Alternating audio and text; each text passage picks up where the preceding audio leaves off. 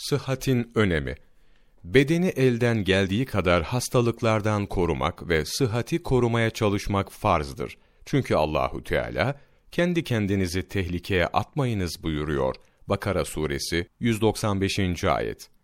Bu emre göre bedenin sağlam kalmasına ve sıhhatin devamına engel olan her şeye engel olmak icap eder. Çünkü her şey sıhhate bağlıdır. Beden sağlam ve sıhhat tam olmazsa, din ve dünya işleri de tam olmaz. Onun için bazı İslam büyükleri, ilim, beden ilmi ve dini ilimler olmak üzere iki kısımdır buyurmuşlar ve bedenin sıhhatini dini ilimlerden öne alarak, sıhhatin ne kadar mühim olduğuna dikkat çekmişlerdir.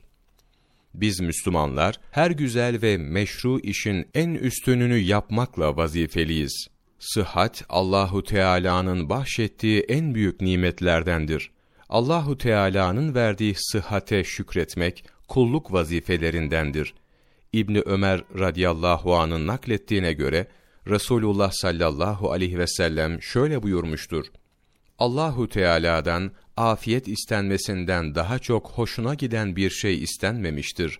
Tirmizi İrade ve vaktimizi sıhhatimizin devamı için kullanmalı ve bu konuda asla ihmalkar davranmamalıyız. İnsan sıhhatine dikkat etmezse Allahu Teala da ona hastalık verir. Çünkü Allahu Teala'nın iradesi kulların iradesi yönünde tecelli eder. Kul hastalanmasına sebep olacak şekilde hareket ederse Allahu Teala da onun hakkında hastalık yaratır. Onun için biz kul olarak irade, güç ve kuvvetimizi iyi ve doğruları işlemek ve sıhhat için kullanmalıyız.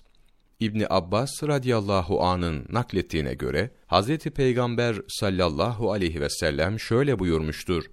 İki nimet vardır ki insanların çoğu onları değerlendirme hususunda aldanmıştır.